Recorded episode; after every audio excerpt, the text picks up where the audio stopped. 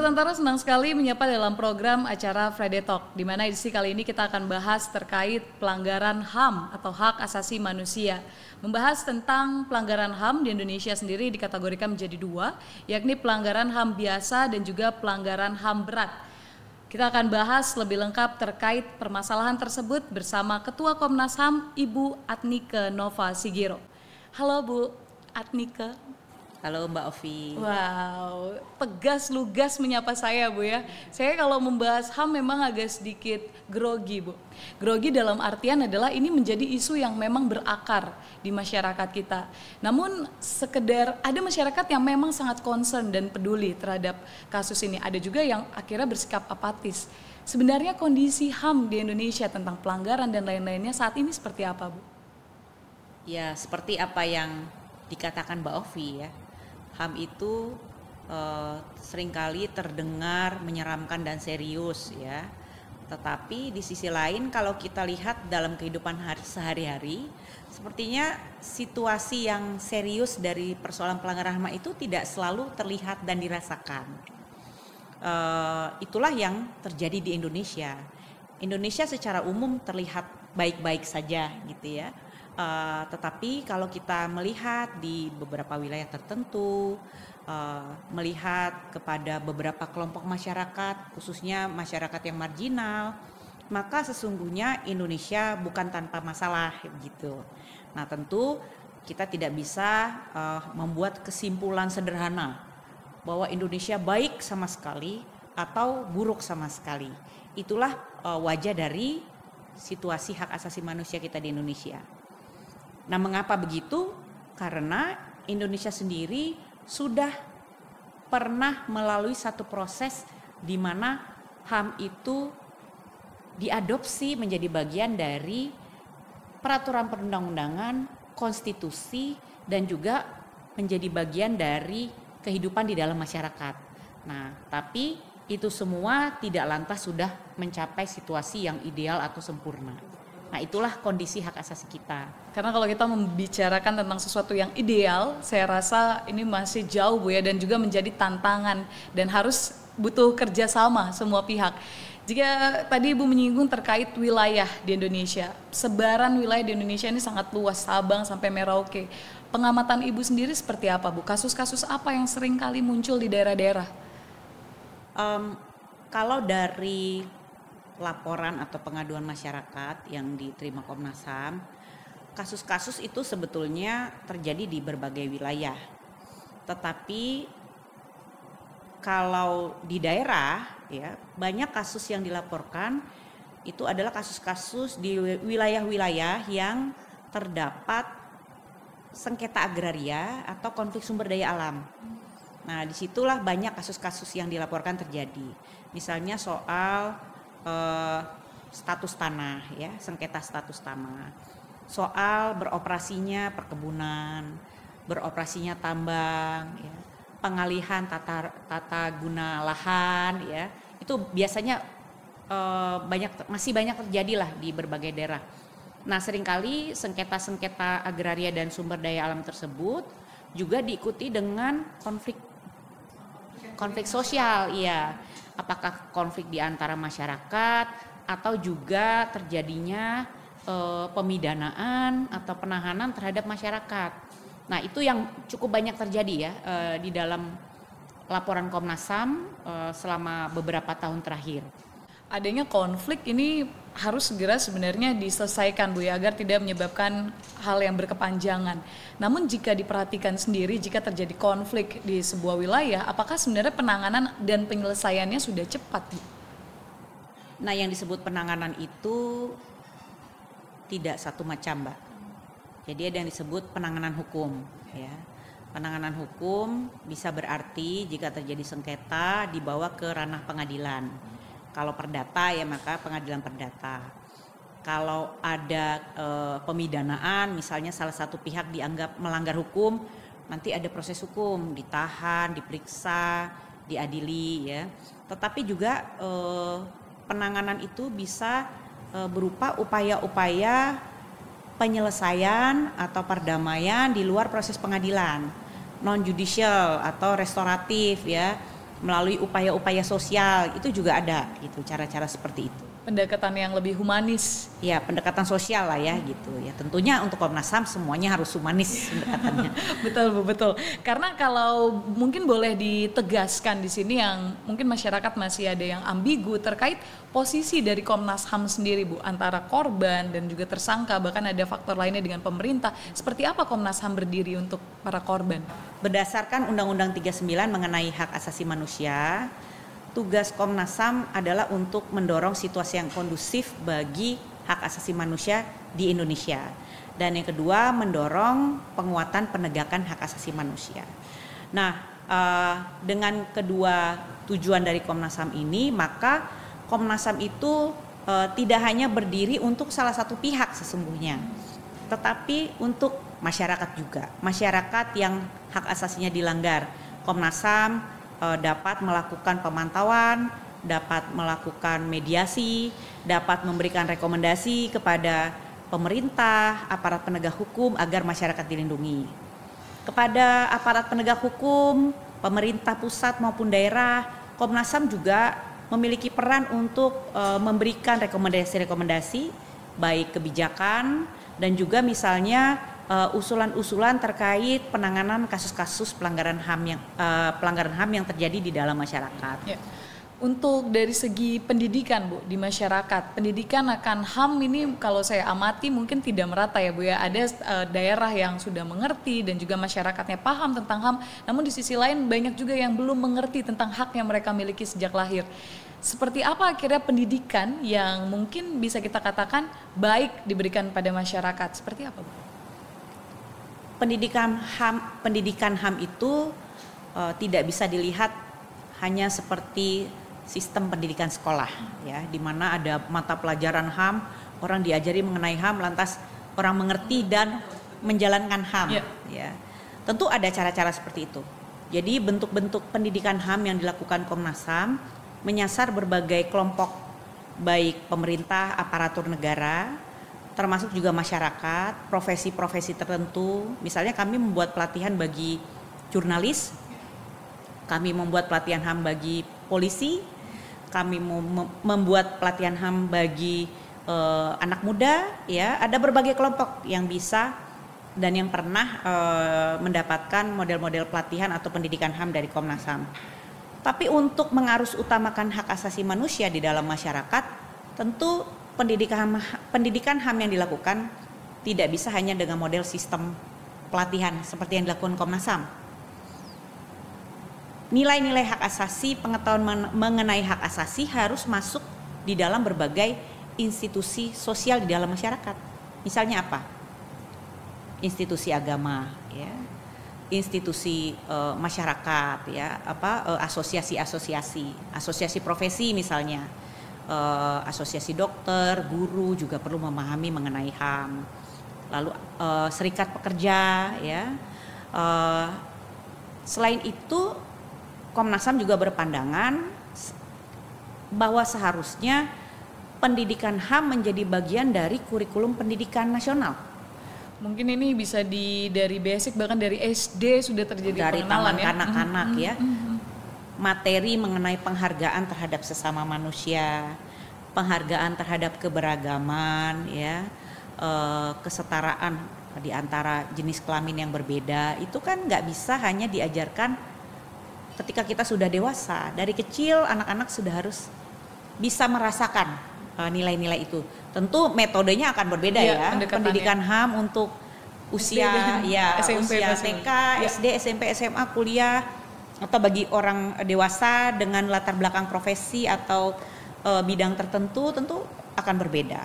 Aparatur sipil negara harus mendapatkan pendidikan HAM. Aparat militer, polisi harus mendapatkan pendidikan HAM. Jadi perspektif pendidikan HAM itu bagi Komnas HAM bukan hanya pelatihan-pelatihan yang diberikan Komnas HAM, tapi kita berharap itu juga bisa uh, mengarus utama di dalam berbagai institusi sosial di dalam masyarakat. Ya, dan ter, saya juga uh, baru menger, baru tahu nih Bu karena Ibu bilang tadi terkait ternyata pendekatan sudah dilakukan dengan pembekalan-pembekalan saya bisa katakan ke langsung uh, asosiasi atau mereka serikat-serikat pekerja itu sejauh ini bagaimana respon yang akhirnya didapatkan Komnas HAM dari langkah kecil bisa saya bilang Bu ya, langkah awal dari pendekatan pendidikan HAM di masyarakat? Um, kalau pendidikan atau pelatihan HAM yang dilakukan Komnas HAM itu sudah sangat banyak ya Mbak ya. Uh, dan dari tahun ke tahun permintaan untuk Komnas HAM memberikan pendidikan atau pelatihan HAM tidak kurang-kurangnya. Uh, mungkin itu bisa kita refleksikan bahwa ada kemanfaatan yang dirasakan oleh masyarakat di berbagai golongan ya. Uh, dan kita berharap institusi-institusi lain juga mengembangkan model-model pendidikan HAM. Jadi tidak hanya Komnas HAM yang mengembangkan itu. Karena Komnas HAM kan sumber daya terbatas. Uh, sementara Indonesia itu luas sekali ya. Tidak mungkin Komnas HAM yang hanya ada satu lembaga di Jakarta, enam kantor perwakilan kecil di enam provinsi bisa mengcover uh, Indonesia ya yang 13.700 pulau lebih. Gitu kita berharap itu juga pendidikan HAM maka model pendidikan HAM memang masuk di dalam setidaknya kurikulum pendidikan nasional. Kurikulum pendidikan nasional lalu nanti juga diharapkan tumbuh agen-agen ya Bu ya di daerah-daerah untuk lebih mempermudah akses kita dan juga pemahaman terkait tentang HAM. Bu, ketika Ibu dilantik sebagai Ketua Komnas HAM, tentu ini menjadi perhatian dan juga sorotan banyak pihak, khususnya dengan background Ibu sebagai akademisi, lalu juga aktivis perempuan.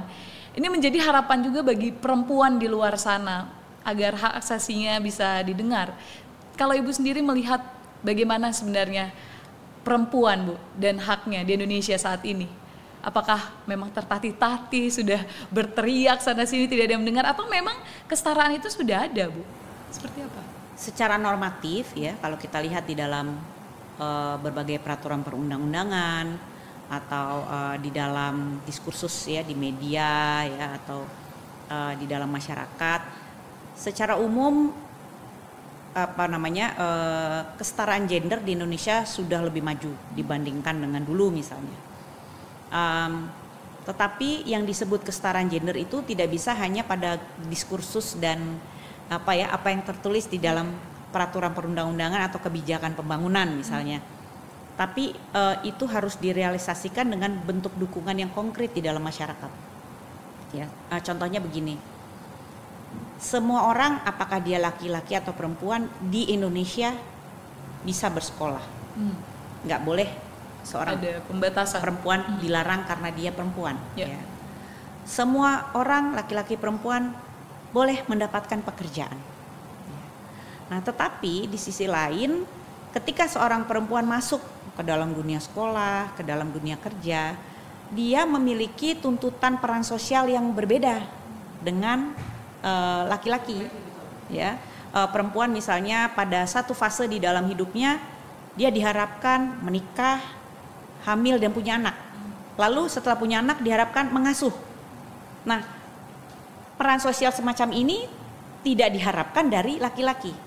Meskipun di dalam praktik-praktik sosial sekarang sudah mulai dikenal ya uh, di dalam kehidupan rumah tangga, pembagian kerja rumah tangga yang setara antara suami dan istri, laki-laki dan perempuan, anak laki-laki dan perempuan.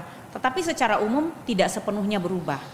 Maka kita lihat ada satu istilah namanya glass ceiling effect. Uh, artinya efek langit-langit kaca yang tidak terlihat. Jadi perempuan kelihatannya bisa sekolah, bisa bekerja, tetapi karena tuntutan-tuntutan sosial, nah itu yang ceiling effect, glass ceiling. Jadi ada batas di mana perempuan sulit untuk bisa melampaui batas itu, gitu. Maka kalau kita lihat di lembaga negara, di lembaga militer, kepolisian, di korporasi, jumlah perempuan yang bisa bekerja banyak, bahkan mungkin lebih banyak dari laki-laki, tetapi jumlah perempuan yang bisa men mencapai uh, level posisi, ya, posisi yang mm-hmm. tinggi mm -hmm. itu jauh, masih jauh dari harapan gitu. Nah kita juga bisa lihat di dalam politik ya, yeah. Indonesia sudah punya kuota calon legislatif 30 persen. Tetapi yang dicapai di dalam hasil pemilu tidak pernah mencapai 30 persen.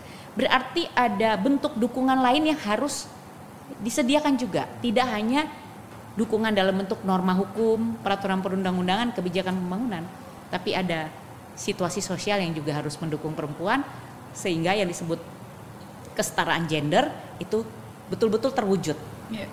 Situasi sosial di sini bisa saya katakan adalah dukungan dari pria juga atau dukungan juga yang sesama perempuan karena jika membahas perempuan ini tidak ada habisnya Bu. Dukungan perempuan dengan perempuan, ada feminisme dan lain-lain. Seperti apa sosial yang diharapkan? Dukungan itu tidak bisa hanya dukungan laki-laki perempuan, perempuan ke perempuan. Dukungan yang dimaksud untuk kesetaraan gender tersebut adalah dukungan dari keluarga, hmm. masyarakat, pemerintah, sektor swasta Misal, perempuan bekerja dan punya anak, laki-laki bekerja dan punya anak, khususnya di daerah perkotaan, ya. Maka untuk dia bisa melakukan pekerjaannya dengan penuh ya, e, mengembangkan kompetensinya di dalam bidang karirnya secara maksimal, dia harus me bisa memastikan bahwa anggota keluarganya juga dapat tumbuh kembang dengan baik. Anaknya bisa bersekolah dengan baik, ada uh, daycare kalau di saat dia harus bekerja ya atau ada transportasi umum bagi anak yang ramah sehingga anak bisa ke sekolah yeah. tanpa ibu atau ayahnya harus mengantarkan sampai gerbang sekolah ya karena itu pasti kalau menyediakan supir hmm, tidak semua orang tidak mampu. semua orang mampu betul, ya betul. menyediakan atau naik taksi setiap hari tidak semua orang mampu maka agar seseorang apakah dia laki-laki atau perempuan sebenarnya dapat mengembangkan karirnya secara maksimal harus ada dukungan dari pemerintah. Misalnya pemerintah membuat regulasi ya agar di semua tempat pekerjaan tersedia misalnya daycare untuk anak-anak yang e, orang tuanya bekerja. Ya. Siapa yang menyediakan? Perusahaan. Bisa perusahaan, betul. bisa pemerintah. Ya. Artinya kedua-duanya harus mendukung, baik pemerintah maupun perusahaan. Itu contoh-contoh kecil ya. Apalagi kalau kita bicara misalnya soal-soal kesempatan untuk terjun di dalam politik. Nah itu tantangannya lebih besar lagi, ya kan? Hmm, betul, uh -uh. betul. Ini memang kata saya menyelesaikan permasalahan HAM ini adalah kerjasama semua pihak. Tentu. Tidak bisa dari Komnas HAM berjalan sendiri, tidak bisa dari pemerintah berjalan sendiri. Masyarakat juga punya peranan penting.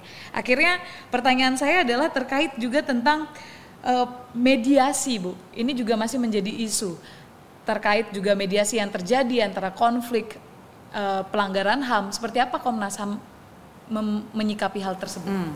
Mediasi ini merupakan satu uh, fungsi di dalam Komnas HAM yang dilakukan untuk menangani satu sengketa atau satu kasus yang tentu memiliki dimensi pelanggaran HAM, tetapi kasus tersebut diselesaikan melalui mediasi atau negosiasi di antara para pihak yang terlibat.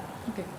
Nah, seperti kita tahu, ketahui pada umumnya kalau ada kasus pelanggaran HAM gitu ya atau diduga pelanggaran HAM, biasanya itu akan dibawa ke ranah hukum hmm. ya, diusut oleh polisi uh, di apa namanya uh, di apa diajukan perkaranya oleh kejaksaan, diadili di pengadilan.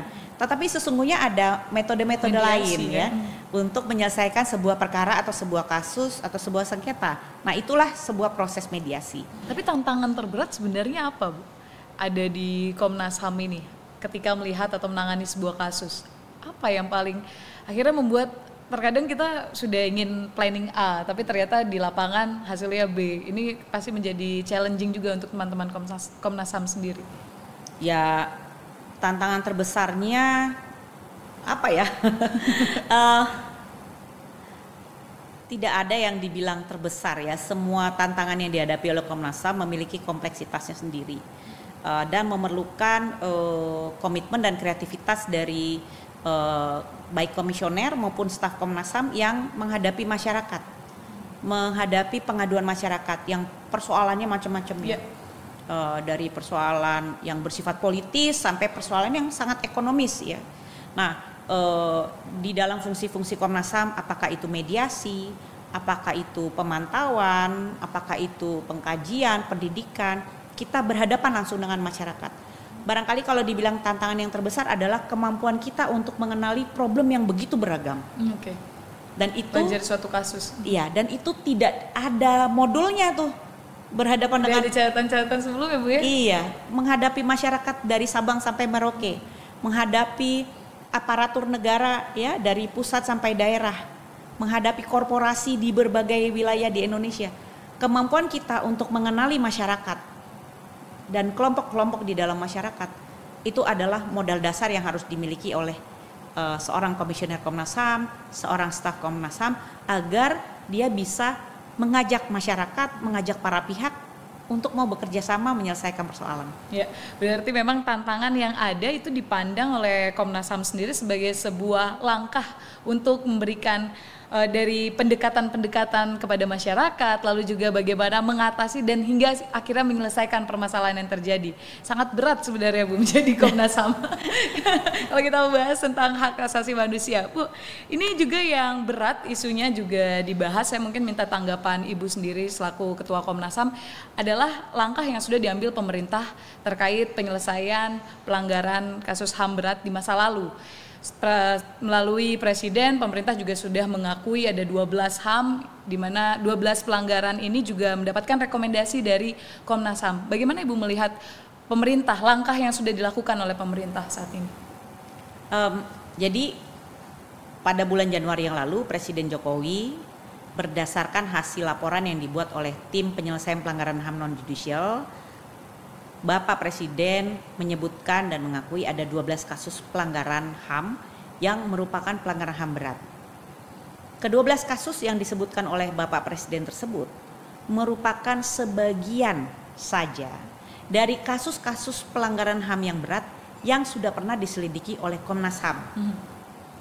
Nah, seperti kita ketahui di dalam Undang-Undang 26 tahun 2000 mengenai pengadilan hak asasi manusia, sebuah kasus pelanggaran HAM yang berat seharusnya diadili di atau melalui pengadilan hak asasi manusia. Hingga saat ini setidaknya dari tahun 2000 ya sejak undang-undang pengadilan HAM uh, itu dibuat sesungguhnya ada 17 kasus pelanggaran HAM yang sudah disimpulkan Komnas HAM sebagai pelanggaran HAM yang berat. Dari ke-17 kasus tersebut, empat kasus di antaranya sudah pernah diadili melalui pengadilan HAM. Jadi dari 17, 4 sudah diadili, masih ada 13. 13. Dari 13 tersebut, 12-nya sudah diakui oleh Bapak Presiden hmm. sebagai pelanggaran HAM yang berat. Yang satu yang eh, tidak masuk di dalam 12 kasus itu tidak disebutkan sebagai bagian dari sejumlah kasus karena di dalam tugas yang diberikan kepada tim mekanisme judicial tersebut periode waktu yang dicakup adalah antara tahun 2000 ya kasus-kasus yang diselidiki oleh Komnas HAM di antara tahun 2000 hingga tahun 2020. Oke. Jadi ada satu kasus yang penyelidikannya baru selesai pada tahun 2021. Sehingga dia tidak masuk di dalam periode yang diatur di dalam uh, kepres mengenai penyelidikan apa mekanisme non judicial tersebut gitu. Jadi dia tidak masuk karena batasan karena tahun, batasan ya tahun. batasan waktu dari uh, ruang lingkup yang akan yang waktu itu diselidiki oleh tim mekanisme non judicial. Nah, jadi 12 kasus inilah yang kemudian disebutkan oleh Bapak Presiden. Nah, apa respon Komnas HAM? Ya, kami melihat pernyataan Bapak Presiden di dalam pidatonya dan juga rekomendasi yang diberikan oleh tim penyelesaian judicial di situ disebutkan bahwa mekanisme non judicial ini tujuannya adalah untuk memberikan pemulihan bagi korban, mendorong adanya pengungkapan kebenaran dan mencegah keberulangan. Betul. Tentu dari prinsip-prinsip hak korban, pelanggaran HAM yang berat, ketiganya adalah hak korban. Hak mendapatkan pemulihan, hak mendapatkan kebenaran, hak e, untuk memastikan bahwa kasus-kasus serupa tidak terulang kembali adalah hak-hak korban yang dikenal dan diakui di dalam hukum HAM internasional maupun dalam hukum HAM kita. Hmm. Maka Komnas HAM tentu saja mendukung ya. upaya untuk memberikan hak-hak korban tersebut. Tetapi kami juga mencatat ya bahwa di dalam pidato presiden Bapak Presiden menyebutkan mekanisme non judicial tidak meniadakan mekanisme judicial atau pengadilan. Betul. Nah, artinya mekanisme ini tidak uh, menegasikan upaya-upaya korban untuk mendapatkan hak mereka, hak atas keadilan melalui mekanisme pengadilan. Hmm. Maka kami mendukung. Tetapi tentu saja sesuai dengan tugas dan mandat Komnas HAM, mekanisme non judicial itu sendiri bukan ranahnya Komnas HAM. Tapi kami mendukung, mendukung dalam arti uh, apa yang bisa kami berikan berupa saran, informasi kami akan dukung. Tetapi kami bukan pelaksana dari mekanisme ini. Gitu. Ya. Intinya di termasuk dalam- juga mengkritik ya Mbak. Jadi kalau misalnya mekanisme non judicialnya ini sepertinya eh, perlu diperkuat agar lebih banyak korban yang merasakan manfaatnya. Itu juga kami sampaikan kepada pemerintah.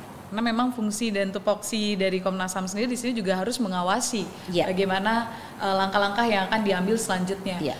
Mungkin boleh saya lanjutkan sedikit Bu eh, terkait tentang kasus pelanggaran HAM berat. Ini memang juga kalau kita perhatikan sudah diapresiasi oleh PBB terkait bagaimana PBB juga meminta untuk proses keadilan yang komprehensif ke depannya. Jika Ibu melihat apa mungkin langkah Bu yang semestinya nanti ke depan diambil oleh pemerintah ini adalah awal. Ke depannya apa lagi yang bisa dilakukan untuk menangani permasalahan ini? Eh, untuk mekanisme non judicial, untuk saat ini kan dasar hukum yang ada itu hanya berupa kepres dan inpres. Ya. Dan masa waktu dari kepres dan inpres ini hanya sampai bulan Desember 2023. Padahal kalau kita melihat cakupan dari jumlah korban, jumlah peristiwa pelanggaran HAM yang 12 yang disebutkan oleh Bapak Presiden itu tidak mungkin itu bisa diselesaikan sampai akhir tahun 2023 ini. Maka pemerintah perlu membuat dasar hukum yang lebih kuat dan lebih berkelanjutan dari mekanisme-mekanisme non judicial semacam ini. Itu harus dipikirkan apa bentuknya. Tentu misalnya ada undang-undang, undang-undang KKR kah, undang-undang eh, reparasi untuk korban pelanggaran HAM yang berat ya. Hmm, atau ada tim yang bersifat lebih jangka panjang dalam bentuk yang lainnya gitu. Nah, selain memperkuat mekanisme non judicialnya, tentu Komnas HAM juga berharap agar mekanisme judicial juga mendapatkan dukungan dan bisa diperkuat juga sehingga bagi korban yang berharap agar agar kasus-kasusnya diselesaikan melalui pengadilan juga tersedia mekanisme dan prosedur yang memadai yang saat ini belum belum cukup memadai karena dari 17 kasus baru empat kasus yang sudah pernah dibawa ke pengadilan HAM. Baik, Eh, bisa saya katakan adalah memperkuat dari sisi yudisial, eh, juga memperkuat dari undang-undang dan membuat jangka panjang Bu ya karena permasalahan HAM di Indonesia sendiri ini tidak bisa diselesaikan dalam waktu singkat. Saya rasa sudah semua disampaikan oleh Ibu Atnika, tapi saya minta sedikit Bu untuk eh, closing statement kepada Sobat Antara terkait isu HAM di Indonesia. Silahkan. Em, sejak amandemen kedua Undang-Undang Dasar 1945, Indonesia telah mengadopsi hak asasi manusia sebagai bagian dari norma konstitusi kita.